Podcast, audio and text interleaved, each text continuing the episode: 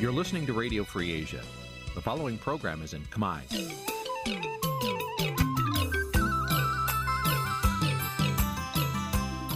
Nǐ chi càm bi tiệp xáy vệt chiu a zì sê ray នេះជាកម្មវិធីផ្សាយរបស់ Vithu Azisari ជាភាសាខ្មែរ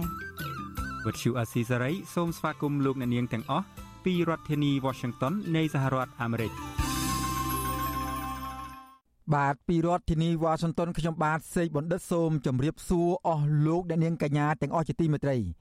យើងខ្ញុំសូមជូនកម្មវិធីផ្សាយសម្រាប់ព្រឹកថ្ងៃពុធ8កើតខែផល្គុនឆ្នាំខាលចត្វាស័កពុទ្ធសករាជ2566ត្រូវនៅថ្ងៃទី1ខែមីនាគ្រិស្តសករាជ2023បាទជាដំបូងនេះសូមអញ្ជើញអស់លោកអ្នកនាងស្ដាប់ព័ត៌មានប្រចាំថ្ងៃដែលមានមេត្តាដូចតទៅ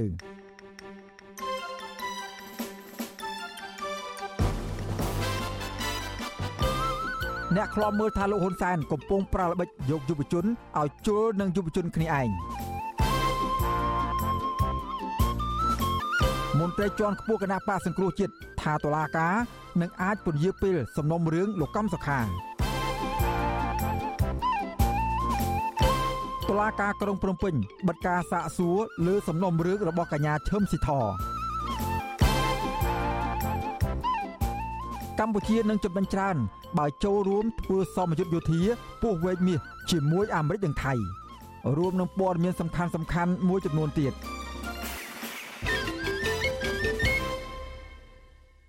ជាបន្តទៅទៀតនេះខ្ញុំបាទសេកបណ្ឌិតសូមជូនព័ត៌មានពិស្ដា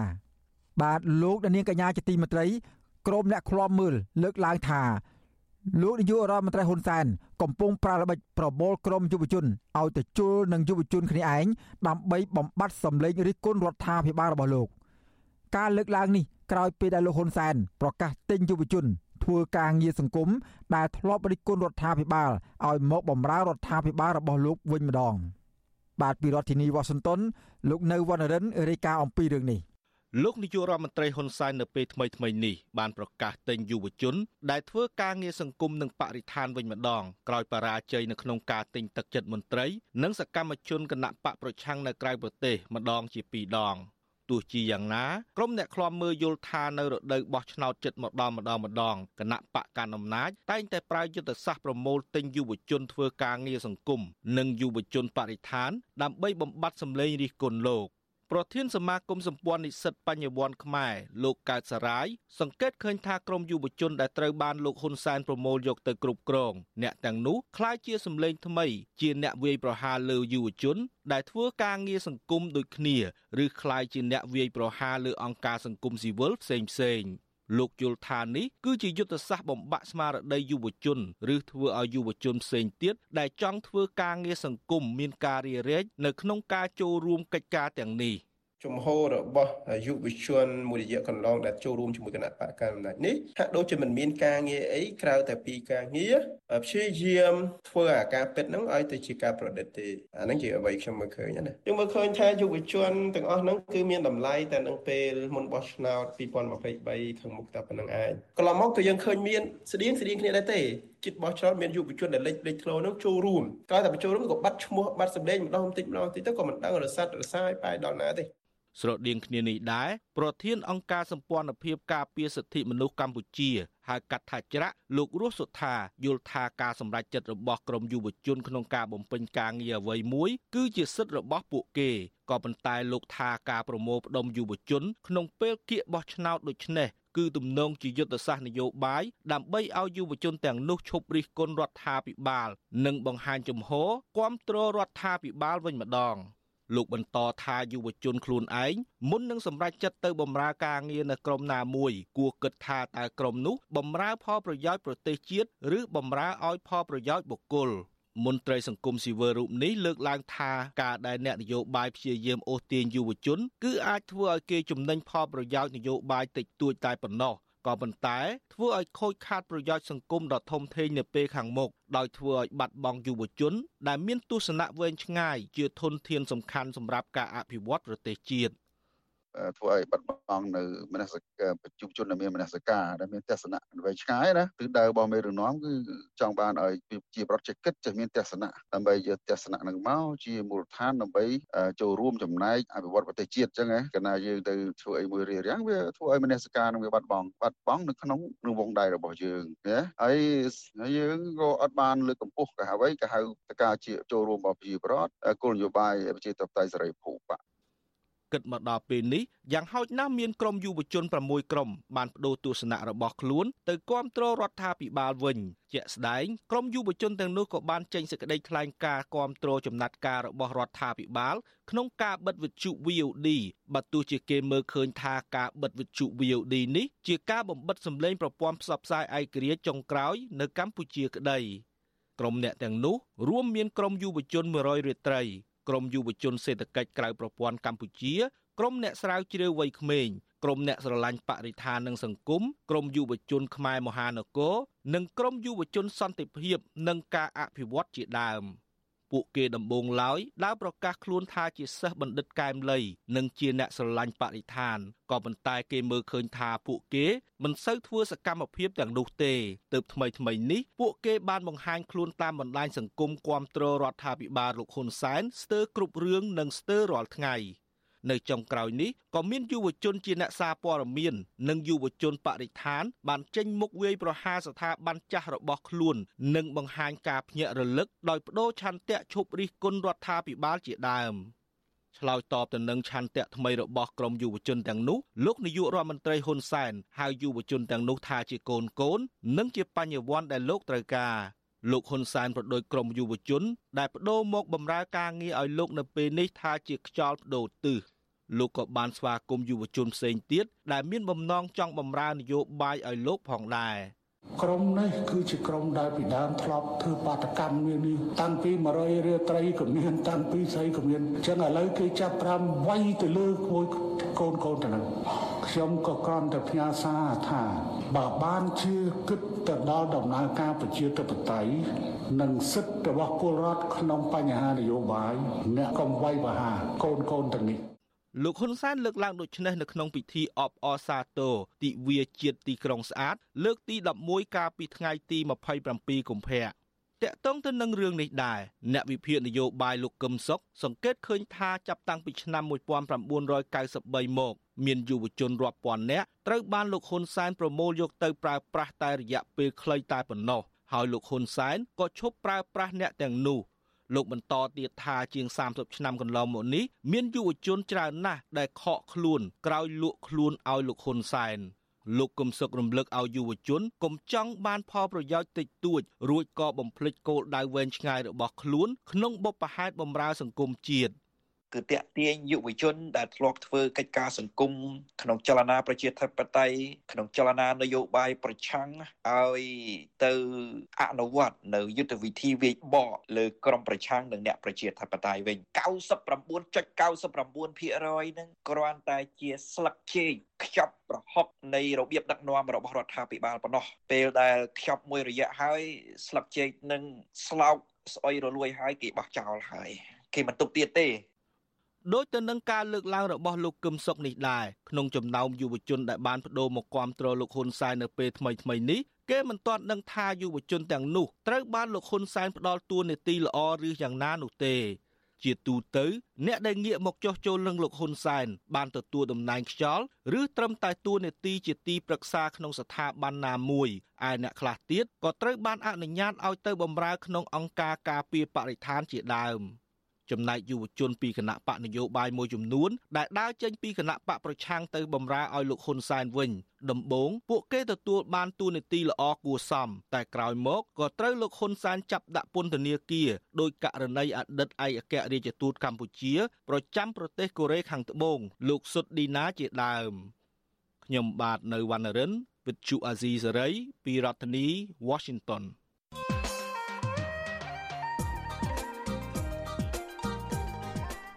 បាទលោកនាងកញ្ញាជាទីមេត្រីលោកហ៊ុនសែនចាប់ផ្ដើមប្រើលេងល្បិចបំបែកបំបាក់ដែលលោកចេះចាំយ៉ាងស្ទាត់ជំនាញទៀតហើយនោះគឺល្បិចតាក់ទាញបំបែកបំបាក់មនុស្សនៅក្រុមតែមួយឲ្យទៅព្យាយាមបំផ្លាញក្រុមដាវរបស់ខ្លួនវិញលោកធ្លាប់មានជោគជ័យក្នុងការលេងល្បែងនេះជាមួយនឹងគណៈបកនយោបាយមានដូចជាគណៈបកហ៊ុនស៊ិពេចជាដើមតែលោកនៅមិនទាន់បានជោគជ័យជាមួយនឹងគណៈបកសង្គ្រោះជាតិនៅឡើយទេ ទោះជាយ៉ាងណានៅក្នុងរដូវកាលបោះឆ្នោតឆ្នាំនេះលោកចាប់ផ្ដើមបើកវគ្គលេងល្បែងបំបែកបំបាក់នេះទ្រង់ទ្រាយធំតែម្ដង ជាពិសេសផ្ដោតលើក្រមយុវជន មកទល់នឹងពេលនេះក្រមលោកហ៊ុនសែនអះអាងថាតាក់ទាញបានក្រមយុវជនចំនួន8នាក់ហើយក្នុងនោះមានក្រមមេដាធម្មជាតិដែលបង្កើតឡើងដោយជនជាតិអេស្ប៉ាញម្នាក់គឺលោកអាលិច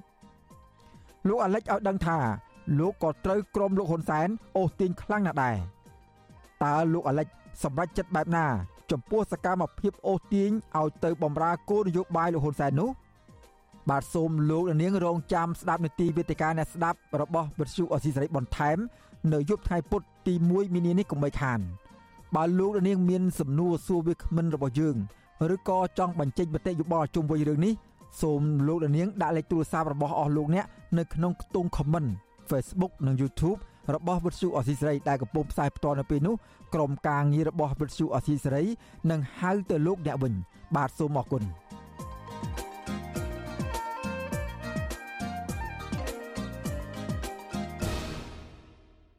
បាទលោកអ្នកនាងកញ្ញាជាទីមេត្រីលោកសំរាស៊ីប្រធានស្ដីទីគណៈបកសង្គ្រោះជាតិនិងព្រះដេចគុណបុត្របន្ទិញស្ថាបនិកបណ្ដាញព្រះសង្ឃឯករាជ្យដើម្បីយុទ្ធធរសង្គម បានផ្ដល់សេណារីយ៉ូមួយចំនួនអំពីលទ្ធផលប្រកាសសាលក្រមលើសំណុំរឿងលោកកំសុខា នៅថ្ងៃសុក្រសប្តាហ៍នេះតើលោកសំរាស៊ីនិងប្រដេជគុណបុត្របន្ទិញវិភាគនៅលទ្ធភាពសេណារីយ៉ូនៃការសម្រេចប្រកាសសាលក្រមរបស់តុលាការលើសំណុំរឿងលោកកំសុខាបែបណាខ្លះបាទសូមលោកនាង រងចាំស្ដាប់ការវិភាគរបស់លោកសំរាស៊ីនិងប្រតិជនបុត្របន្ទិញតាមការសាកសួររបស់លោកជុនច័ន្ទបុតនៅពេលបន្តិចទៀតនេះ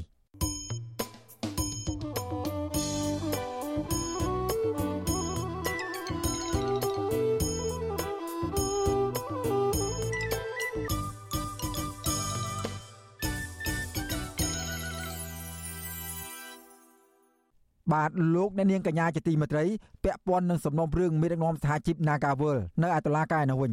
តុលាការក្រុងភ្នំពេញបានបិទការសាកសួរក្នុងសំណុំរឿងញុះញង់របស់ប្រធានសហជីព Nagawal គឺកញ្ញាឈឹមស៊ីធនៅព្រឹកថ្ងៃទី28កុម្ភៈតំណាងគឧតកោក្រុមហ៊ុន Nagawal ចាត់ទុកការចោទប្រកាន់តាមផ្លូវតុលាការធ្វើឲ្យបាត់បង់សិទ្ធិ ក្នុងការធ្វើកោតកម្មដោយសន្តិវិធីរបស់ក្រមកោតក្រក្នុងការទៀមទាឲ្យក្រុមហ៊ុនដោះស្រាយវិវាទការងារបាទពីរដ្ឋធានី Washington អ្នកស្រីម៉ៅសុធានីរាយការណ៍អំពីរឿងនេះសវនកម្មលើកទី2នៅព្រឹកថ្ងៃទី28ខែកុម្ភៈមានតំណាងគឧតកោ9នាក់បានចូលរួមក្នុងនោះមានអ្នកនៅក្រៅឃុំ8នាក់រួមមានលោកស្រីរីសវណ្ឌី កញ្ញាឈឹមសុខននិងមនុស្សមួយចំនួនទៀតហើយម្នាក់ទៀតកំពុងជាប់ឃុំក្នុងពន្ធនាគារប្រៃសណគឺកញ្ញាឈឹមស៊ីថសវនាការនេះមានក្រុមគុតកោប្រមាណ50នាក់បានមកឃ្លាំមើលដំណើរការក្រោមកម្ដៅថ្ងៃនៅខាងមុខសាលាដំបងរាជធានីភ្នំពេញពួកគេភ័យច្រានពាក់អាវសហជីព Nagawal មានពណ៌ខៀវត្រួយឆេកនិងពណ៌ក្រហមព្រមទាំងកាន់បដារូបភាព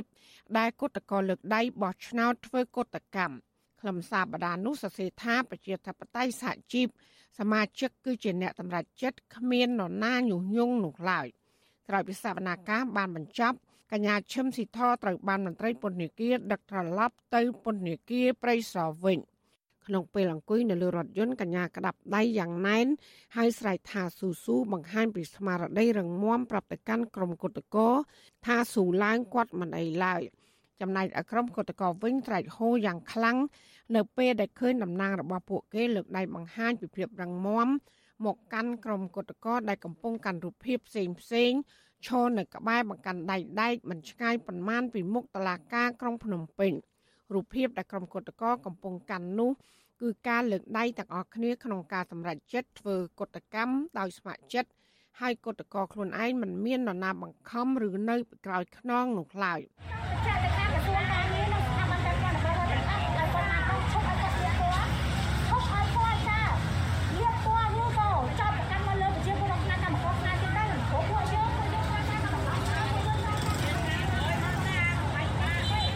ការនឹងបន្តសវនាការលើក្រុមគុតកោចំនួន8នាក់ផ្សេងទៀតនៅថ្ងៃទី8ខែមីនាខាងមុខតំណាងគឧតកោ Nagavel លោកស្រីរីសវណ្ឌីប្រាប់វត្ថុស៊ីស្រីថាសវនាការនេះចៅក្រមសាកសួរកញ្ញាឈឹមស៊ីធតែម្នាក់ទេលោកស្រីបន្តថាកន្លងទៅការទៀមទារបស់ក្រុមគឧតកោនៅខាងមុខក្រុមហ៊ុន Casino Nagavel ក្នុងគោលបំណងទៀមទា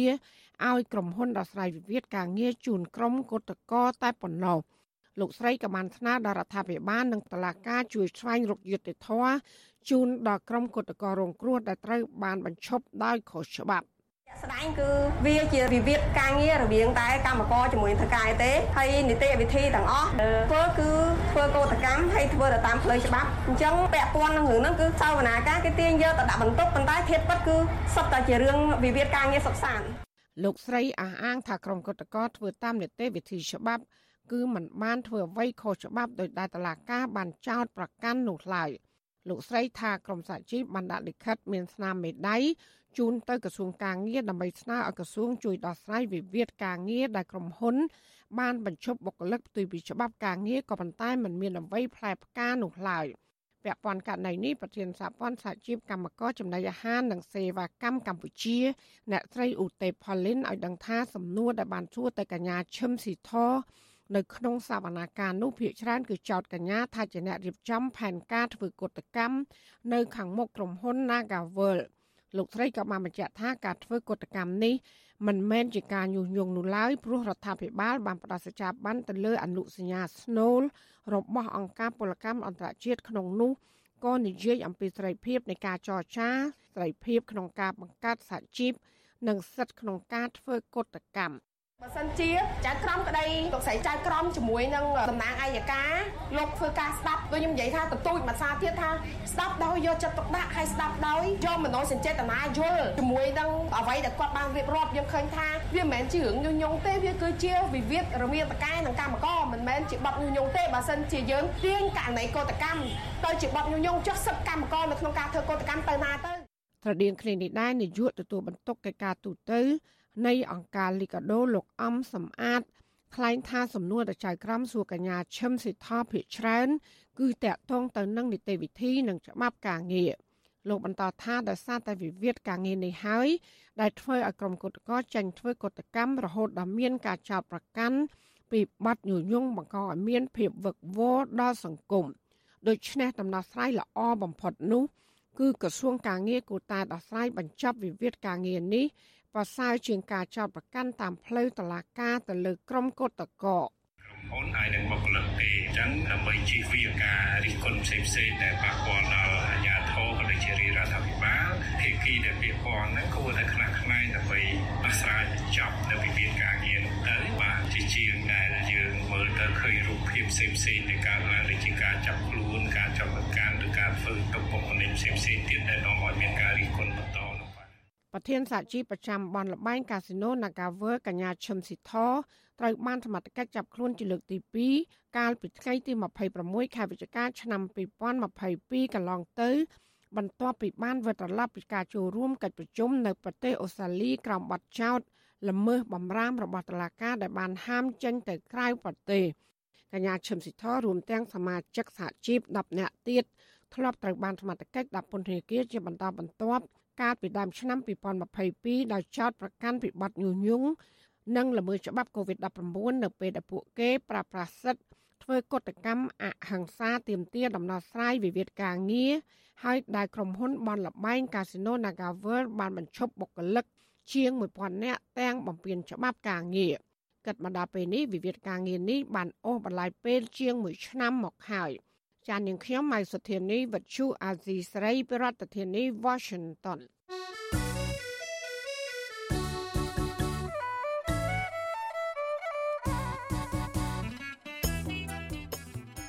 បាទលោកនាងកញ្ញាជាទីមេត្រីក្រៅពីការតាមដានស្ដាប់ការផ្សាយរបស់វិទ្យុអស៊ីសេរីតាមបណ្ដាញសង្គម Facebook YouTube Telegram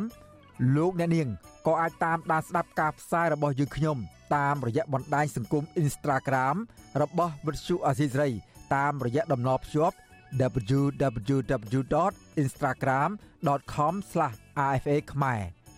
វិទ្យុអាស៊ីសេរីបន្តខិតខំផ្សព្វផ្សាយព័ត៌មានពិតទៅកាន់បងប្អូនតាមរយៈបណ្ដាញសង្គមផ្សេងៗនិងសម្បូរបែបដើម្បីលោកដានាងងាយស្រួលតាមដានការផ្សាយរបស់វិទ្យុអស៊ីសេរីគ្រប់ពេលវេលា និងគ្រប់ទីកន្លែងតាមរយៈទូរស័ព្ទរបស់អស់លោកអ្នកនាង បាទសូមអរគុណ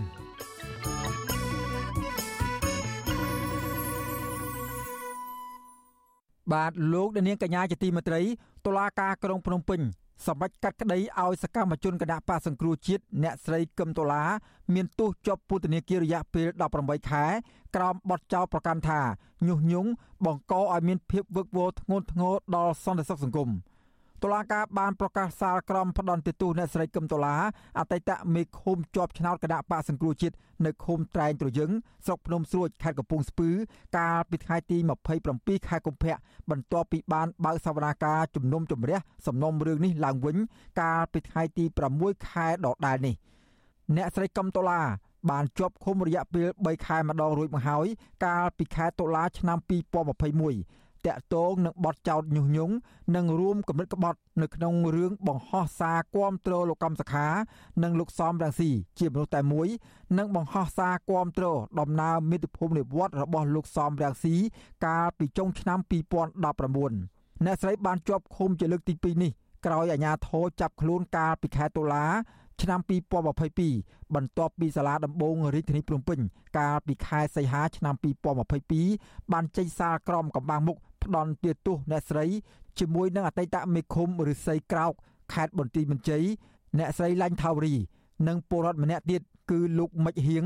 ព្រមទាំងមន្ត្រីគណៈបកសង្គ្រោះជាតិកំពុងភៀសខ្លួននៅក្រៅប្រទេសចំនួន4រូបទៀតពីបទញុះញង់បង្កឲ្យមានភាពវឹកវរធ្ងន់ធ្ងរដល់សន្តិសុខសង្គមដោយតុលាការកាត់ទោសពួកគេដាក់ពន្ធនាគារក្នុងម្នាក់ម្នាក់រយៈពេល18ខែ តុលាការកម្ពុជាត្រូវបានសហគមន៍សិទ្ធិមនុស្សអន្តរជាតិវិយតម្លៃថាមិនបានបំពេញការងាររបស់ខ្លួនប្រកបដោយវិជ្ជាជីវៈនិងឯករាជ្យពីគណៈបកកាន់អំណាចនោះឡើយ។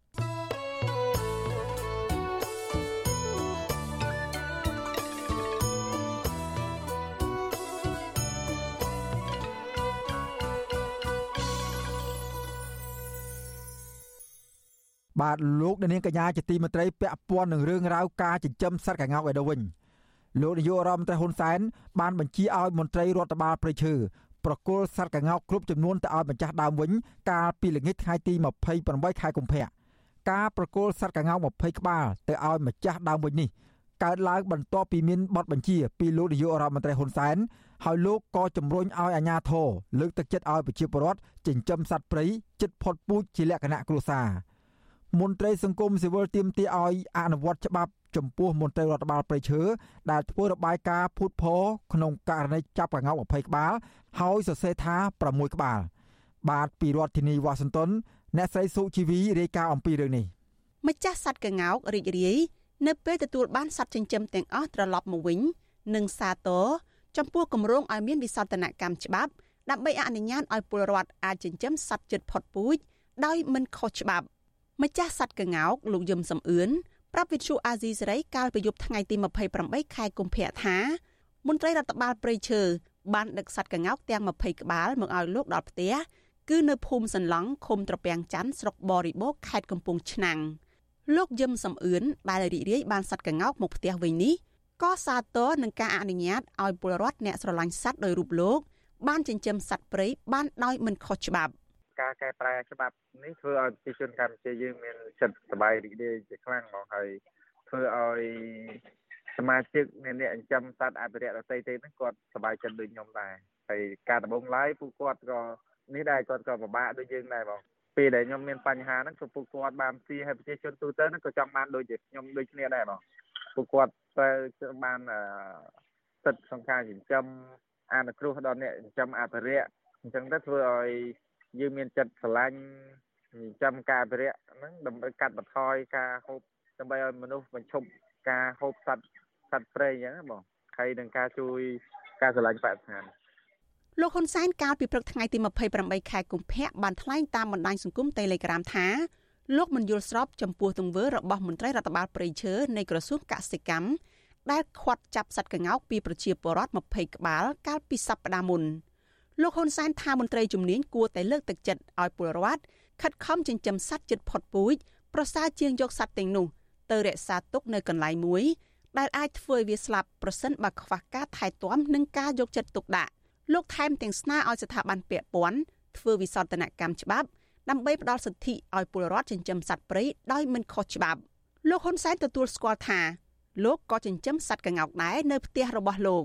គ្មានហេតុផលណាមួយដែលនឹងត្រូវទៅចាប់យកសត្វក្ងោកដែលប្រជាជនចិញ្ចឹមយកមកទុកនៅកន្លែងចិញ្ចឹមសត្វហើយចាត់ទុកថាជាអំពើខុសច្បាប់ក្នុងករណីដែលច្បាប់មានចែងខ្ញុំក៏សូមស្នើឲ្យអ្នកច្បាប់ធ្វើការជាបន្តដើម្បីធ្វើវិសោធនកម្មច្បាប់លុបចោលនៅកថាខណ្ឌណាដែលតាក់ទិនជាមួយនឹងការចាប់យកសត្វចិញ្ចឹមរបស់ប្រជាពលរដ្ឋតែយើងគួរតែត្រូវលើកទឹកចិត្តឲ្យប្រជាជនចិញ្ចឹមជាការដែលធ្វើរារាំងទៅដល់ចលនានៃការចិញ្ចឹមសត្វរបស់ប្រជាពលរដ្ឋ ចំណាត់ការរបស់លោកហ៊ុនសែននេះក្រោយពីអ្នកប្រើប្រាស់បណ្ដាញសង្គមមួយចំនួន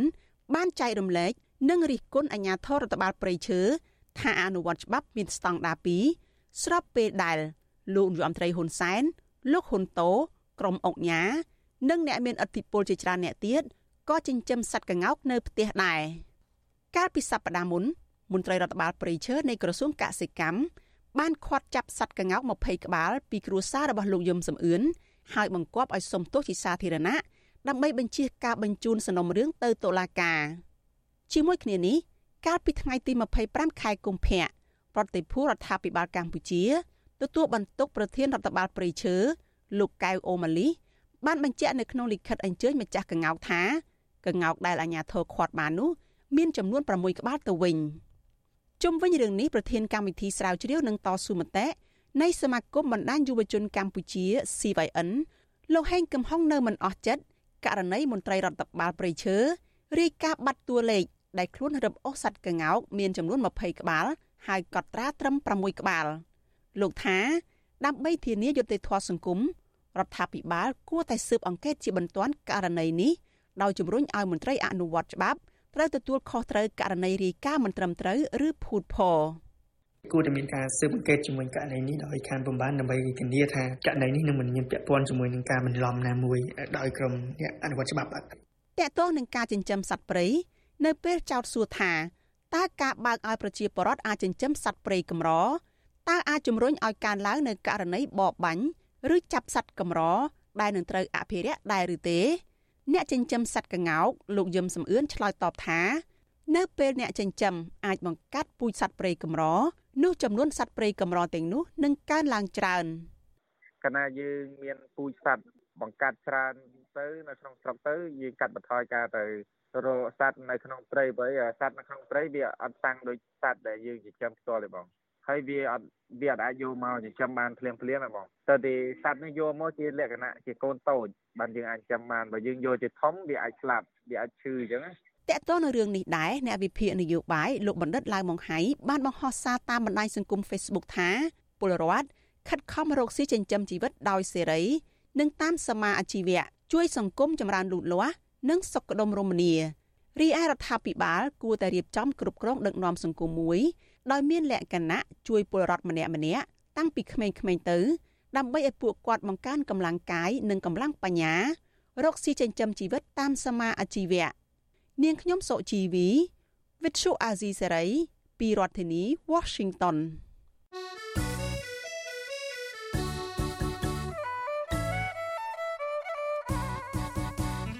បាទលោកដានៀងកំពុងតាមដានស្ដាប់ការផ្សាយរបស់វិទ្យុអសីសេរីពីរដ្ឋធានីវ៉ាស៊ីនតោនសហរដ្ឋអាមេរិកកម្មវិធីផ្សាយរបស់វិទ្យុអសីសេរីផ្សាយដំណើរគ្នាតាមរយៈរលកធារកាសខ្លីឬ shortwave តាមកម្រិតនិងកម្ពស់ដូចតទៅនេះ ពេលព្រឹកចាប់ពីម៉ោង5កន្លះដល់ម៉ោង6កន្លះតាមរយៈប៉ុស SW 9.39 MHz ស្មើនឹងកម្ពស់ 32m និងប៉ុស SW 11.85 MHz ស្មើនឹងកម្ពស់ 25m ពេលយប់ចាប់ពីម៉ោង7កន្លះដល់ម៉ោង8កន្លះតាមរយៈប៉ុស FW 9.39 MHz ស្មើនឹងកម្ពស់ 32m ប៉ុស SW 11.88 MHz ស្មើនឹងកម្ពស់ 25m និងប៉ុស SW 15.15 MHz ស្មើនឹងកម្ពស់ 20m បាទសូមអរគុណ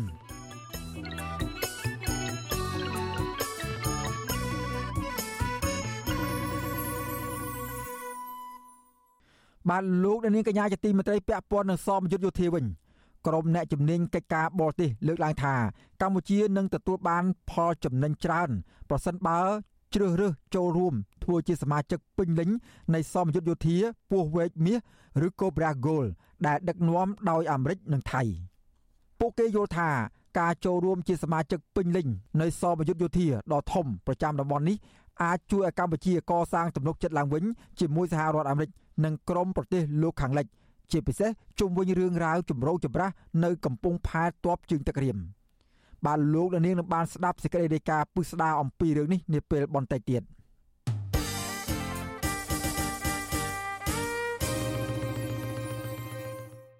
បាទលោកនាងកញ្ញាជាទីមេត្រីឥឡូវនេះងាកមកមើលរឿងរ៉ាវពាក់ព័ន្ធនឹងបញ្ហាបរិស្ថានវិញម្ដងសកម្មជនបរិស្ថាន និងពលរដ្ឋរិះគន់អាជ្ញាធរខេត្តកោះកុងថាបានអនុញ្ញាតឲ្យក្រុមហ៊ុនឯកជនឈូសឆាយព្រៃនៅតំបន់ទេសចរជីផាត ដើម្បីធ្វើផ្លូវចូលទៅដឹកថ្មតាមទំនើងចិត្ត ខណៈដែលប្រជាពលរដ្ឋមួយចំនួនបារម្ភខ្លាចប៉ះពាល់ដីធ្លីរបស់ពួកគាត់និងតំបន់ទេសចរបែបធម្មជាតិអាជ្ញាធរថាការឈូសឆាយធ្វើផ្លូវនេះមិនប៉ះពាល់ដល់ដីប្រជាពលរដ្ឋនិងតំបន់ទេសចរធម្មជាតិនៅតំបន់នោះឡើយបាទពីរដ្ឋធានីវ៉ាស៊ីនតោនលោកសនច័ន្ទរដ្ឋារាយការណ៍អំពីរឿងនេះពលរដ្ឋក្នុងខេត្តកោះកុងលើកឡើងថារយៈពេលជាមួយខែមុននេះឃើញមានសកម្មភាពគ្រឿងចាក់ជាង10គ្រឿងរបស់ក្រុមហ៊ុនកំពុងឈូសឆាយតំបន់ព្រៃសហគមន៍ជីផាតដែលនៅឃុំជីផាតស្រុកថ្មបាំងខេត្តកោះកុង ពលរដ្ឋថាការឈូសឆាយនេះធ្វើឡើងក្រោយពីអាជ្ញាធរបានខົບខិតគ្នាជាមួយនឹងក្រុមហ៊ុនដើម្បីធ្វើផ្លូវទៅដល់យុទ្ធថ្មនៅតំបន់ភ្នំដោយមិនបានជូនដំណឹងដល់ពលរដ្ឋឲ្យបានដឹងជាមុនប្រធានសហគមន៍អេកូទេសចរនៅឃុំជីផាតស្រុកថ្មបាំងលោកអូនសវណ្ណបានប្រាប់វិទ្យុអេស៊ីសរ៉ៃថ្ងៃទី28កុម្ភៈថាសកម្មភាពឈូសឆាយតំបន់ព្រៃកូទេសចរជីផាននេះធ្វើឲ្យប្រជាប្រដ្ឋមួយចំនួនមិនសប្បាយចិត្តលោកបារម្ភថាតំបន់ទេសចរដូចជារូងភ្នំសាប្រជីវតំបន់ទឹកធ្លាក់នៅតំបន់ភ្នំមួយចំនួនត្រូវហិនហោចដោយសារក្រុមហ៊ុនមកវិនិយោគ អ្នកខ្លះដីតែបន្តិចទំហំតែមួយហិកតាឯវិញដល់ពេលគេមកដល់គេធ្វើឈូឆាតខ្លះចំពាក់កណ្ដាលដីគាត់ធ្វើដីគាត់សល់តែបន្តិចអញ្ចឹងវាធ្វើឲ្យខាតប្រយោជន៍របស់គាត់ពួកដីហ្នឹងពេលខ្លះក៏ទិញតពីគេដែរអញ្ចឹងបងដល់ពេលគាត់កំពុងតែព្រួយបារម្ភហើយអ្នកខ្លះក៏បានប៉ះបាត់ហើយអ្នកខ្លះក៏បានគិតថាគេគេឈូនៅក្នុងដីគាត់បាត់ហើយតែអ្នកខ្លះទៀតក៏គាត់កំពុងថាដឹងមិនមកអញ្ចឹងណាលោកបន្តថាការឈូសឆាយព្រៃតំបន់ជីផាតបានចាប់ផ្ដើមពីចំណុចចំការអំពៅលីយ៉ុងផាតនៅភូមិជីផាតឃុំជីផាត ហើយឆ្ពោះទៅតំបន់ជួរភ្នំក្រវាញលោកថាការធ្វើផ្លូវនេះមានទំហំជាង10ម៉ែត្រហើយបណ្ដោយជាង7គីឡូម៉ែត្រដែលធ្វើប៉ះពាល់ដល់ព្រៃឈើនិងដីប្រត់មួយចំនួនតំបន់អេកូទេសចរបែបធម្មជាតិជីផានេះជាកន្លែងតាក់ទាញភ្ញៀវទេសចរជាតិនិងអន្តរជាតិជាច្រើនដោយសារតែមានតំបន់ទឹកធ្លាក់នៅលើភ្នំនិងកន្លែងទស្សនារូងសាប្រជៀវមិនតែប៉ុណ្ណោះនៅតាមដងផ្លូវអមដោយដើមឈើនិងសម្លេងសត្វយំស្រដៀងគ្នានេះមន្ត្រីអង្គការសម្ព័ន្ធមិត្តសព្វព្រៃប្រចាំតំបន់ជីផាខេត្តកកុង កញ្ញាព្រៀបសមាវតីដែលបានចុះផ្ទាល់នៅទីនោះលើកឡើងថាអាញាធរហើយបានព័ត៌មានមួយចំនួនជុំវិញការអភិវឌ្ឍផ្លូវនៅបនជីផាតកញ្ញាថាព័ត៌មានចំនួនដែលព្រមលក់ដីឲ្យក្រុមហ៊ុនពួកគាត់មិនហ៊ាននិយាយពីបញ្ហានេះទេបើទោះបីជាយ៉ាងណាកញ្ញាបារម្ភថាការធ្វើផ្លូវនេះនឹងប៉ះពាល់ធ្ងន់ធ្ងរដល់តំបន់ទេសចរនិងសត្វព្រៃមួយចំនួននៅទីនោះ។ អ្វីដែលខ្ញុំស្មានហើយខ្ញុំបារម្ភហ្នឹងគឺខ្លាចគាត់មានការជីកថ្មហ្នឹងវាប៉ះពាល់ទៅដល់ប្រជាពលរដ្ឋនៅក្នុងភូមិដោយសារការជីកហ្នឹងវាអាចនឹងជួយដីបន្តិចបន្តួចឬមួយក៏វាធ្វើឲ្យល្អក់ទឹកបងមានប្រជាពលរដ្ឋនៅក្នុងហ្នឹងហើយខ្ញុំមិនដឹងថានៅក្នុងហ្នឹងគឺមានអីខ្លះដែលគេចង់បានវិទ្យុអេស៊ីសរ៉ៃមិនតាន់អាចតតអភិបាលខេត្តកកុងអ្នកស្រីមីធុនាភូថងនៅប្រធានមន្ត្រីបរដ្ឋាលោកហ៊ុនម៉ារ៉ាឌីដើម្បីបកស្រាយពីបញ្ហានេះបានឡើយទេ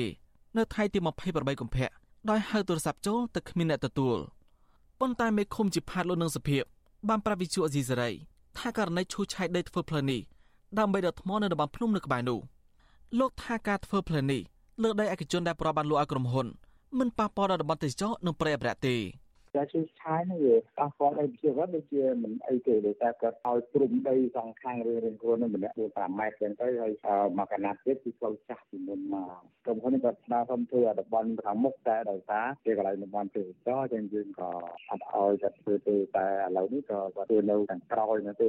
កន្លែងគាត់ទិញដីជាបរដ្ឋជុំវិញរឿងនេះសកម្មជនប្រធានលោកសាមាឡា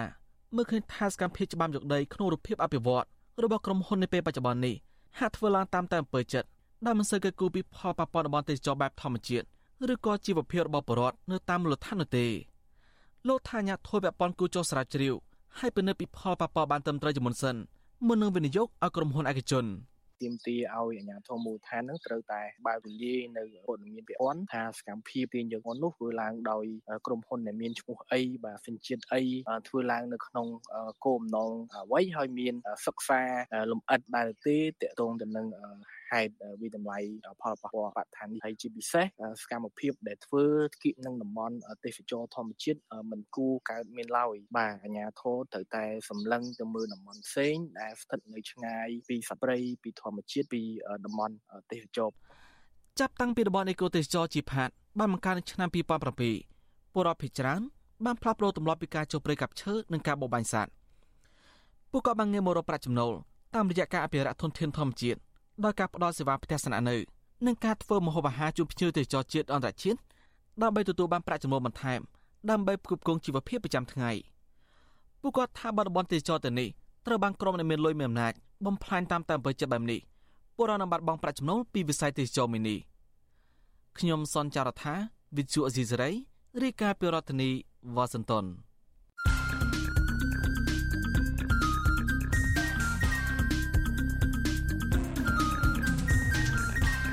បទសំភារ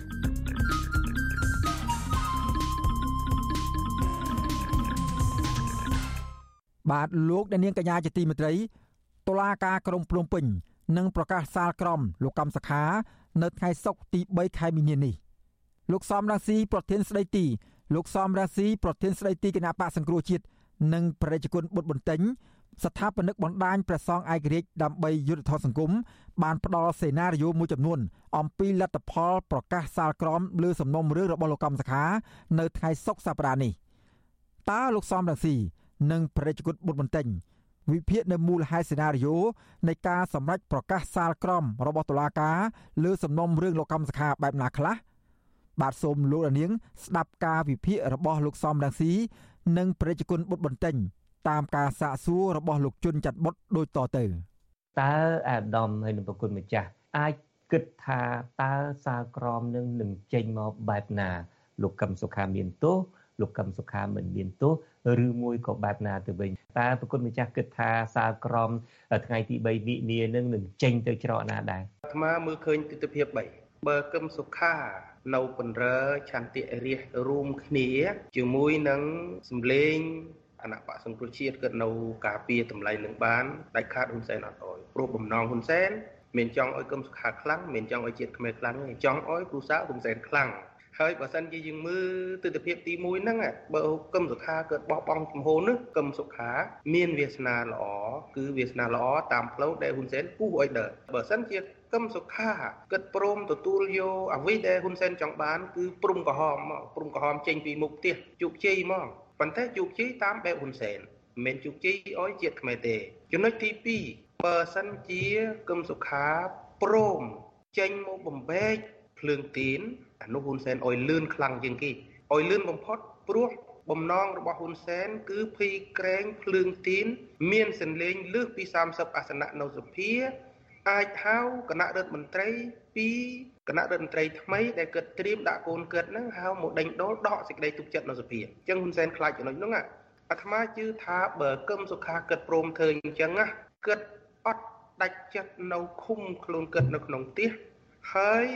បន្តធ្វើពលិកម្មដើម្បីចរន្តជាទីតៃទេបើសិនជាកឹមសុខាគិតជ្រឹះយកផ្លូវនោះណាគិតអត់តស៊ូដល់ម៉ោងនេះទេ ហើយរឿងអ្វីដែលកឹមសុខានិយាយឬក៏កូនចៅគិតឡើងមុននិយាយក្រោយពីការអំពាវនាវរបស់លោករងជុន ជាទស្សនវិជ្ជានយោបាយចង់ស្ទង់មើលថាតើកឹមសុខាមានភាសាយ៉ាងណានិយាយជាមួយនឹងមហាជនឃើញកូនចៅកឹមសុខាពី3នាក់និយាយថារុញកឹមសុខាឲ្យជាប់គុកបន្ថែមមិនចង់ឲ្យកឹមសុខារួចចេញពីការគុំគៀងរបស់ហ៊ុនសែនតែមកចង់បញ្ជាក់ថា រឿងគុំសុខាជាប់គុកនេះនិងរឿងមិនចង់ជាប់គុកមិនមែនជារឿងអ្នកសង្គ្រោះជាតិនិយមហើយក៏មិនមែនជារឿងរបស់ប្រជាពលរដ្ឋខ្មែរមិនមែនជារឿងទិលខ្លួនរបស់លោកកឹមសុខាដែរវាជារឿងក្រុមគ្រួសារហ៊ុនសែនដែលចង់បិទចរន្តប្រជាធិបតេយ្យដោយមើលឃើញថាកឹមសុខាជាទូរងដ៏មានប្រសិទ្ធភាពក្រោយពីអត់ពីទូអេគឺញោមប្រធានសំរងស៊ី គុំសខាជាទូរងដែលមានប្រសិទ្ធភាពបំផុតហើយខ្លាយជាទូអេកអញ្ចឹងហ៊ុនសែនអត់ចង់បានអ្នកណាទេព្រោះទូអេកនៅក្នុងសង្គមយើងណាគ្រូសាលហ៊ុនសែនគឺឡើងទូអេកគ្រប់គ្នាអញ្ចឹងគុំសុខាគិតមើលឃើញថាគិតបានលះបង់ប៉ុណ្ណឹងបើសិនជាអាត្មានិយាយជំនួសគឹមសុខាតាមលក្ខណៈវិភាគបើគាត់ព្រមទទួលយកការសម្របសម្រួលហ៊ុនសែនគេធ្វើយូរមកហើយគេមិនទុកគឹមសុខាអញ្ចឹងទេប៉ុន្តែទស្សនវិជ្ជាទី3 ក្នុងការរៀបចំឲ្យគឹមសុខាចេញឬក៏គឹមសុខានៅគេពិនិត្យមើលអេតិពលរបស់គណៈបកភ្លើងទីនបើសិនជាអេតិពលគណៈបកភ្លើងទីនគេបង្ក្រាបបានលេងគឹមសុខាមួយយ៉ាងស្រួល តែបើគឹមសុខាមើលឃើញថាភ្លើងទីនខ្លាំងហើយគឹមសុខាបញ្ចេញវាចាគឹមត្រូភ្លើងទីនអានឹងគឹមសុខានៅបន្តទៅទៀតដូច្នេះជំរឿសគឹមសុខាបើយើងប្រៀបធៀបដូចត្រឡាចដែលវាដុះក្នុងវងបន្លាតែហ៊ានធំរីកមុត ធំរីកមុតអញ្ចឹងត្រឡាចចង់ក្តៀបហើយត្រឡាចគឹមសុខានឹងក្តៀបហើយតែកាលណារីកវាមុតបើសិនជាគឹមសុខាគាត់ព្រមថាឲ្យវាមុតក៏មុតចុះរីកឲ្យវាធំខ្លាចជាត្រឡាចដែលគឺមើលឃើញអានឹងជំរឿបានទៅជាតិតែបើគឹមសុខាគាត់ថាខ្លាចមុតបន្លាគាត់ខ្លាចមុតបន្លាគាត់នៅអញ្ចឹងជំរឿបានទៅហ៊ុនសែនបើគឹមសុខានេះនេះនេះនេះជាជំរឿចេញពីជ្រុងរបស់លោកកឹមសុខាចុះជំរឿចេញពីលោកហ៊ុនសែនវិញតើវាអាចចេញពីជាស្អីដែរថ្ងៃទី3មិនិនានេះ ជំរឿចេញពីហ៊ុនសែនមានជំរឿពីរធំជំរឿទី1ដើម្បីលៀងមុខហ៊ុនសែនថាចាប់ទី4 5ឆ្នាំហ្នឹងណាគឺស្របច្បាប់ត្រូវគឺចរចាជាមួយគឹមសុខាឲ្យព្រមទទួលទោសដើម្បីហ៊ុនសែនមានឱកាសធ្វើលិខិតអន្តរាគមសូមលើកលែងទោសព្រះមហាក្សត្រឲ្យហ៊ុនសែនអរគុណលោកកឹមសុខាបណ្ដៅហ៊ុនសែនតដែលហ្នឹងគឺថាកាឡាដែលហ៊ុនសែនរៀបហ្នឹងគឺថាកាឡាធ្វើម៉េចវិលទៅរកហ៊ុនសែនវិញ ទើបតែយើងដើរឲ្យផុតពីកាឡាហ៊ុនសែនបើថាដើរមិនផុតពីកាឡាហ៊ុនសែនទេគឺហ៊ុនសែននឹងចរចាក្នុងតម្លៃអីក៏ដោយតម្លៃដុល្លារក៏ដោយតម្លៃកិត្តិយសក៏ដោយគឺចរចាឲ្យគមសុខាព្រមទទួលយកទូកដើម្បីលៀងមុខតឡាការគិតដែលលោកធានធ្លាប់លើកឡើងថាគ្មានអ្នកណាមានទូទេក្នុងសង្គមខ្មែរតែមានពឿដែលហ៊ុនសែនលៀបអញ្ចឹងអ្វីដែលហ៊ុនសែនកាត់ទូគឹមសុខាណាគ្មានទូឯណាទេមានតែពឿដែលហ៊ុនសែនលៀបអញ្ចឹងហ៊ុនសែនយកគឹមសុខាមកលៀងពឿ ជំរឿទី2ចេញពីហ៊ុនសែនវិញ គឺបន្ធូរបន្ថយទូគឹមសុខាផ្ដល់សេរីភាពពាក្យកណ្ដាលសេរីភាពបើយើងនិយាយភាសាអាក្រក់បន្តិចថាប្រឡាយឲ្យខ្សែគឹមសុខាវែងបន្តិចឲ្យគឹមសុខាដើរបានឆ្ងាយបន្តិចតែបើឲ្យធ្វើឲ្យគឹមសុខាមានសេរីភាពពេញលេញគឺគឹមសុខាអត់មានសេរីភាពទេព្រោះស្រមោលស្រមោលនៃអំពើអាក្រក់របស់លោករបស់លោកហ៊ុនសែនណាស្រមោលធំអាត្មាទាញភាសាព្រាសពុទ្ធវចនៈមកប្រៀបធៀប គឺមានពុទ្ធវចនៈមកគាថាខ្លីណដ្ឋិសមង្កមង្ណដ្ឋិសមង្កពាក្យលៀងកម្មង្ប្រែមកវិញថាពាក្យលៀងកម្មង្កម្លាំងអវ័យស្មើដោយកម្លាំងកម្មកម្លាំងកម្មសមង្គឺស្មើណដ្ឋិមិនមានគ្មានកម្លាំងអវ័យស្មើដោយកម្លាំងកម្មអញ្ចឹងកម្លាំងដែលហ៊ុនសែនប្រព្រឹត្តគឺកម្មអកុសលទង្វើដែលហ៊ុនសែនធ្វើថាជាទង្វើអកុសលអញ្ចឹងហ៊ុនសែនខ្លាច ទង្វើអកុសលរបស់គាត់នឹងវាធ្ងន់ជាងទង្វើកុសលគាត់ថ្លឹងអត់បានគាត់បរាជ័យអញ្ចឹងគាត់ភ័យខ្លាចនឹងទង្វើទុច្ចរិតរបស់គាត់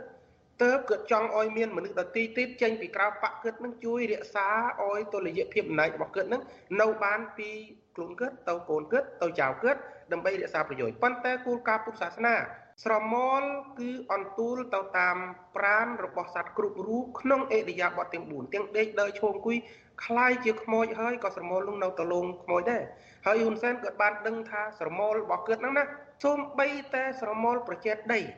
ក៏ហ៊ុនសែនខ្លាចរួចបាត់ទៅហើយយើងមើលមិនមែនត្រឹមហ៊ុនសែនភ័យធម្មតាទេមិនមែនភ័យរឿងបែកទីក្នុងគណៈបកប្រជាជនរឿង VOD ហ្នឹងទេសូម្បីតែប្រពន្ធកសាងវិមានមាសលៀបមាសពើក្រហមប្រជែតដីក៏ខ្លាចស្រមោលនោះដែរអានឹងទស្សនវិជ្ជាពុទ្ធដែលយើងមើលឃើញក្នុងពុទ្ធសាសនាព្រះលោកសម្ដែងអំពីកតិនិមិត្តកតិនិមិត្តបើសិនសត្វបានសាងកម្មណាជាកម្មនឹងក្តៅក្រហាយគឺមានកតិនិមិត្តរឿងកម្មហ្នឹងក្រែងវាជួបនៅវិបត្តិក្រោយពេលខ្លួនអស់ជីវិត អញ្ចឹងហ៊ុនសែនគិតរឿង3គិតរឿងផ្ទេអំណាចទី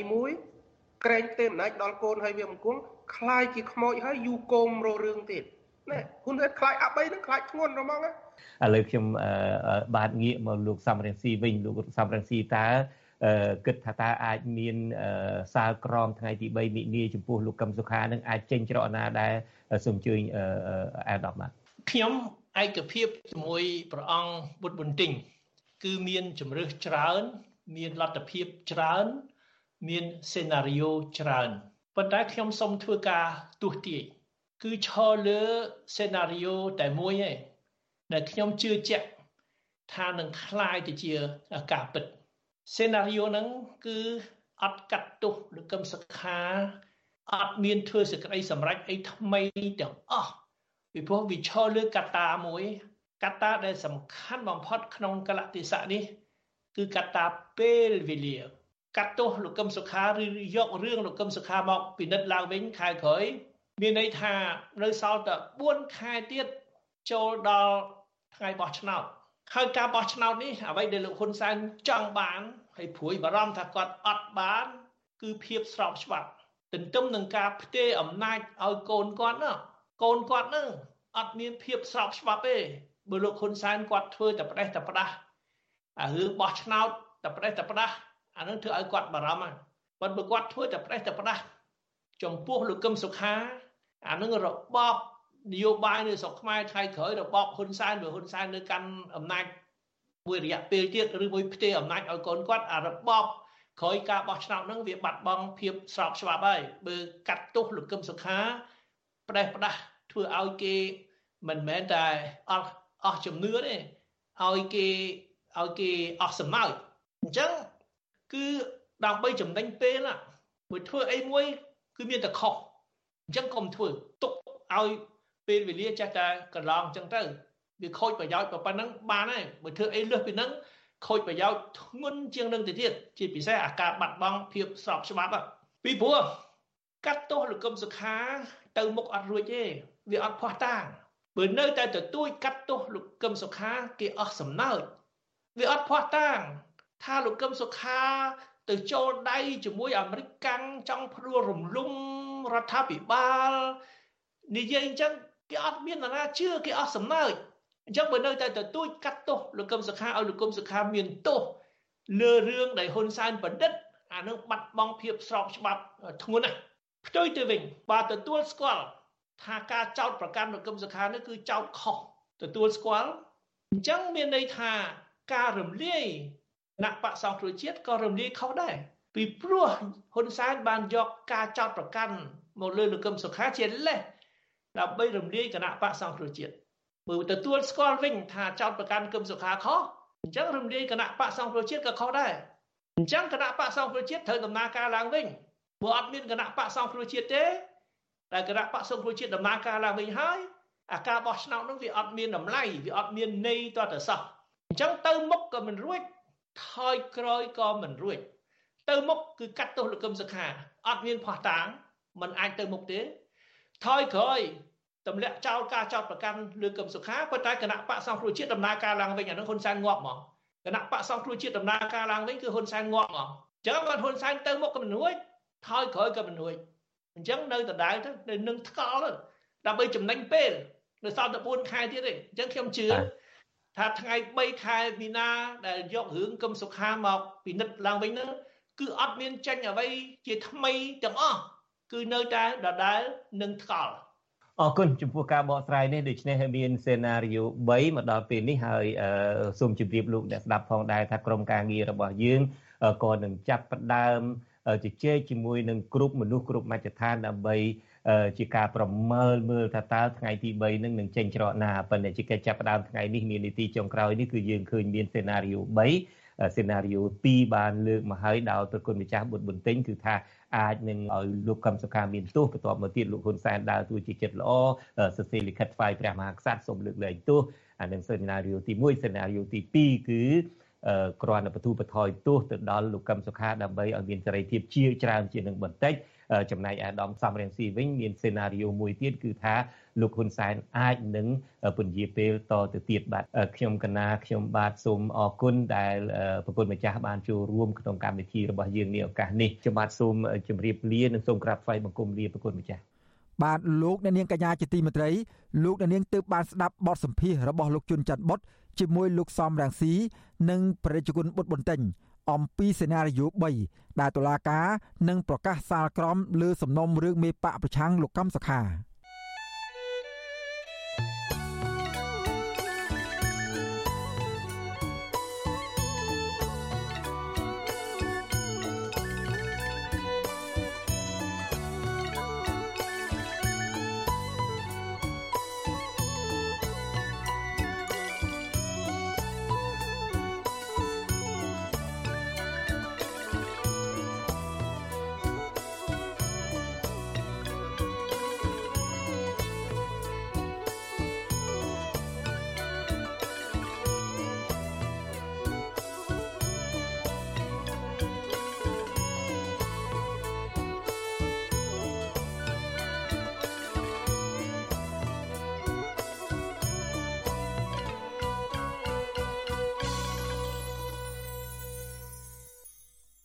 បាទលោកអ្នកនាងកញ្ញាជាទីមេត្រីពាក់ព័ន្ធនឹងសមយុទ្ធយោធារវាងអាមេរិកនិងថៃឯនោះវិញ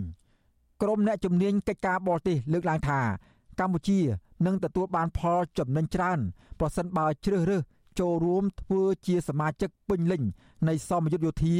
ពោះវែកមាសឬ Cobra Gold ដែលដឹកនាំដោយអាមេរិកនិងថៃពួកគេយល់ថាការចូលរួមជាសមាជិកពេញលេញនៃសមយុទ្ធយោធាដ៏ធំប្រចាំតំបន់នេះ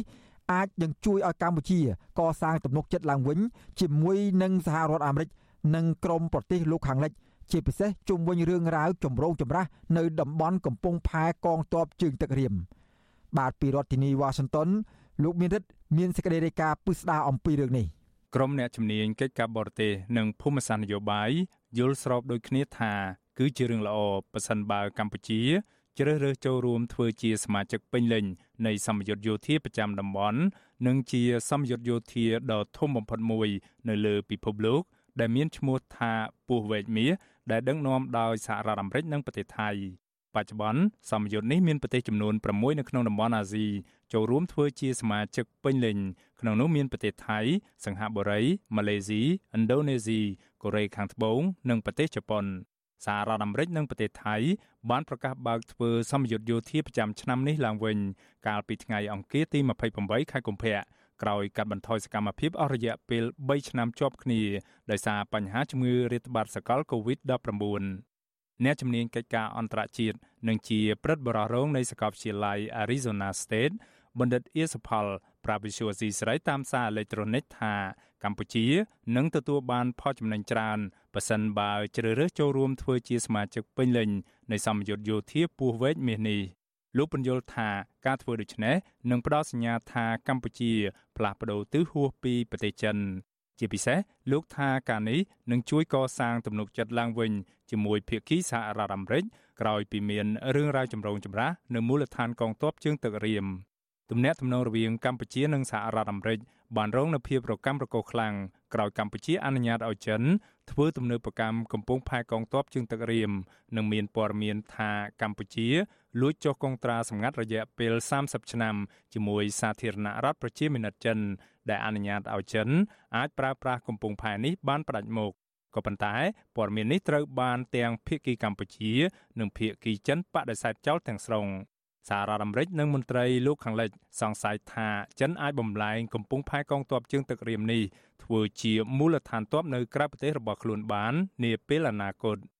អ្នកសិក្សាស្រាវជ្រាវផ្នែកភូមិសាស្ត្រនយោបាយលោកវ៉ាន់បណាក៏យល់ស្របដែរថាបើកម្ពុជាជ្រើសរើសចូលជាសមាជិកពេញលេញនៃសមយុទ្ធយោធាពោះវែកមាសនេះនោះការនេះនឹងជួយលើកមុខមាត់កម្ពុជានៅលើឆាកអន្តរជាតិដែលអាចបញ្ជាក់ថាកម្ពុជាមិនចាប់យកភាគីណាមួយផ្ដាច់មុខខាងវិស័យយោធានោះទេវាជាការពិតហើយនៅពេលដែលកម្ពុជាមានទំនាក់ទំនងពេញលេញឬក៏ការធ្វើសមយុទ្ធយោធាជាមួយនឹងបណ្ដាប្រទេសលោកខាងលិច ជាពិសេសហ្នឹងវាបង្ហាញអំពីកម្ពុជាដើរទូរនទីក្នុងការទូតរបស់ខ្លួនព្យាយាមហៅថាมันចាប់យកភាគីណាដាច់មុខប៉ុន្តែព្យាយាមបង្កើតទំនាក់ទំនងបែប hedging strategy របស់ខ្លួនហ្នឹងនៅក្នុងយុទ្ធសាស្ត្រទំនាក់ទំនងជាមួយនឹងយោធាផ្សេងទៀតផងដែរហើយវាធ្វើឲ្យកម្ពុជាអាចរួចផុតពីការមន្ទិលសង្ស័យរបស់សហរដ្ឋអាមេរិកពីភាពដែលអាចកើតមានវត្តមានយោធាចិននៅកម្ពុជានឹងផងដែរ វិសុវអាស៊ីស្រីមិនអាចតាក់ទងរដ្ឋមន្ត្រីការពារជាតិកម្ពុជា លោកទាបាញ់អ្នកនាំពាក្យក្រសួងការពារជាតិលោកឈុំសុជាតិនិងប្រធានអង្គភិបអ្នកនាំពាក្យរដ្ឋាភិបាល លោកផៃស៊ីផាន ដើម្បីសម្ប្រតិកម្មជុំវិញថាតើកម្ពុជា អាចនឹងពិចារណាចូលធ្វើជាសមាជិកពេញលេញនៃសម្ពយុទ្ធយោធាពោះវែកមាសនេះដែរឬទេគិតត្រឹមយប់ថ្ងៃទី28ខែកុម្ភៈ ក្រោយលុបចោលសម្ពយុទ្ធយោធាឆ្មាំអង្គរជាមួយសហរដ្ឋអាមេរិកនិងសម្ពយុទ្ធយោធាដនកូព្រៃជាមួយប្រទេសអូស្ត្រាលីនៅមុនព្រឹត្តិការណ៍បោះឆ្នោតជាតិកាលពីឆ្នាំ2018កន្លងទៅ កម្ពុជាបានបង្កើនទំនាក់ទំនងវិស័យយោធាជាមួយប្រទេសចិន និងវៀតណាមគួរឲ្យកត់សម្គាល់ កម្ពុជានៅតែបន្តធ្វើសម្ពយុទ្ធយោធានាមាសជាមួយប្រទេសចិនហើយប្រកាសថានឹងបន្តធ្វើសម្ពយុទ្ធយោធានាមាសជាមួយនឹងប្រទេសចិននៅចុងខែមីនាខាងមុខនេះប្រមុខការពារជាតិកម្ពុជាលោកទាបាញ់អះអាងដដែលដដែលថាការធ្វើសម្ពយុទ្ធយោធារវាងកម្ពុជានិងចិននេះពុំបានគំរាមកំហែងប្រទេសណាមួយនោះទេក៏ប៉ុន្តែលោកថាសម្ពយុទ្ធយោធានេះធ្វើឡើងក្នុងគោលបំណងលើកកម្ពស់គុណភាព និងសមត្ថភាពរបស់កងទ័ពកម្ពុជា ក្រៅពីភៀកគីចិន កម្ពុជាក៏បដិញ្ញាបង្កើនកិច្ចសហប្រតិបត្តិការខាងវិស័យការពារជាតិជាមួយប្រទេសវៀតណាមកាន់តែខ្លាំងបន្ថែមទៀតនៅក្នុងឆ្នាំ2023នេះភាគីទាំងពីរកាលពីថ្ងៃទី19ខែកុម្ភៈបានចុះហត្ថលេខាអនុម័តផែនការកិច្ចសហប្រតិបត្តិការខាងវិស័យការពារជាតិ រវាងប្រទេសទាំងពីរសម្រាប់ឆ្នាំ2023ដោយផ្ដោតលើទស្សនវិជ្ជាសំខាន់សំខាន់មួយចំនួន ដូចជាបង្កើនការចែកចាយព័ត៌មាន និងធ្វើសកម្មភាពល្បាតរួមគ្នា ដើម្បីរក្សាសន្តិសុខនិងសន្តិភាពតាមព្រំប្រទល់ដីគោកនិងសមុទ្ររវាងប្រទេសទាំងពីរបណ្ឌិតអៀសផលយល់ថាអត្តពលស្អិតល្មួតរវាងកម្ពុជានិងចិនក្នុងនាមជាមិត្តដៃថែមនាពេលបច្ចុប្បន្ននេះទំនងជាមិនអាចឲ្យកម្ពុជា ពង្រីកទំនាក់ទំនងក្នុងក្របខ័ណ្ឌសម្ពយុទ្ធយោធាពោះវែកមាសហួសពីភាពជាអ្នកសង្កេតការនោះទេលោកមិនមានសង្ឃឹមថាកម្ពុជានឹងចូលជាសមាជិកពេញលេញនៃសម្ពយុទ្ធយោធានេះនៅក្នុងពេលនេះទេ ស្របពេលដែលបច្ចុប្បន្ននេះគឺជារដូវកាលមុនការបោះឆ្នោតហើយអាជ្ញាធរកម្ពុជា កំពុងជាប់រវល់បង្កបញ្ហាដល់ក្រុមអ្នកស្រឡាញ់លទ្ធិប្រជាធិបតេយ្យផងនោះ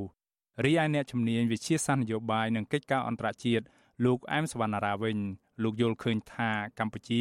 ហាក់មានការប្រយ័ត្នប្រយែងខ្លាំងដោយសុកចិត្តជ្រើសរើសធ្វើជាអ្នកសង្កេតការជាជាងចូលធ្វើជាសមាជិកពេញលេញនៃសម្ពយុទ្ធយោធាពោះវែកមាសនេះលោកបញ្យលថាការនេះគឺដោយសារតែបណ្ដាប្រទេសចូលធ្វើជាសមាជិករបស់សម្ពយុទ្ធយោធានេះសុទ្ធតែគ្រប់គ្រងគោលនយោបាយរបស់សហរដ្ឋអាមេរិកការចូលរួមរបស់ខ្មែរនៅក្នុងក្របខ័ណ្ឌជាអ្នកសង្កេតការណ៍ពីព្រោះ ទី1កម្ពុជាយើងកម្រិតហៅថាកម្រិតនៃ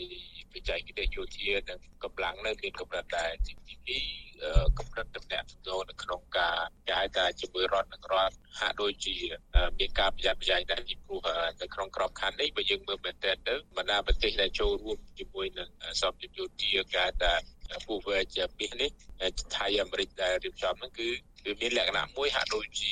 មានការគ្រប់គ្រងទៅលើគោលនយោបាយជាមួយសហរដ្ឋអាមេរិកច្រើនតែឡៃកម្ពុជាយើងប្រកាន់តែជាមួយចិនទេសម្ពយុទ្ធយោធាពោះវែកមាត្រូវបានរៀបចំធ្វើឡើងជាលើកដំបូងរួមគ្នាជាសម្ពយុទ្ធលំហសមុទ្ររវាងប្រទេសថៃនិងសហរដ្ឋអាមេរិកកាលពីឆ្នាំ1982ហើយត្រូវបានពង្រីកសកម្មភាពជាបន្តបន្ទាប់បច្ចុប្បន្ននេះសម្ពយុទ្ធនេះក្លាយជាសម្ពយុទ្ធពហុជាតិសាសន៍ដ៏ធំបំផុតមួយនៅលើពិភពលោក ដែលមានប្រទេសចំនួន30ចូលរួមធ្វើជាដៃគូឬជាអ្នកសង្កេតការណ៍សមយុទ្ធយោធាពោះវែកមាបច្ចុប្បន្នកំពុងប្រព្រឹត្តទៅរយៈពេល12ថ្ងៃចាប់ពីថ្ងៃទី27ខែកុម្ភៈរហូតដល់ថ្ងៃទី10ខែមីនា នៅប្រទេសថៃដែលមានការចូលរួមពីបុគ្គលិកយោធាសរុបជិត7400នាក់ក្នុងនោះមានបុគ្គលិកយោធាអាមេរិកនិងថៃជិត7000នាក់សម្ពយុទ្ធនេះផ្ដោតលើការបណ្ដុះបណ្ដាលក្នុងសមរភូមិលំហាត់បញ្ជាទ័ព ការជួយសង្គ្រោះពីគ្រោះមហន្តរាយនិងលំហាត់ផ្នែកមនុស្សធម៌ប្រទេសចិនឥណ្ឌានិងអូស្ត្រាលីក៏ចូលរួមធ្វើជាដៃគូនៃសម្ពយុទ្ធយោធានេះដែរដោយផ្ដោតលើលំហាត់ជំនួយមនុស្សធម៌ខ្ញុំបាទមេរិត Visual C ស្រីពីរដ្ឋធានី Washington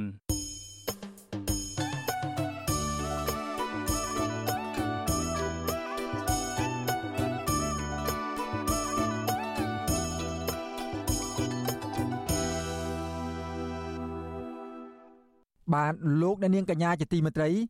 ការផ្សាយរបស់វិទ្យុអសីស្រីរយៈពេល1ម៉ោងសម្រាប់ព្រឹកនេះចប់តែប៉ុណ្ណេះយើខ្ញុំសូមជូនពរដល់អស់លោកអ្នកនាងឲ្យជួបប្រកបតែនឹងសេចក្តីសុខចម្រើនរុងរឿងកំបីគ្លៀងគ្លេឡើយខ្ញុំបាទសូមអរគុណនិងសូមជម្រាបលា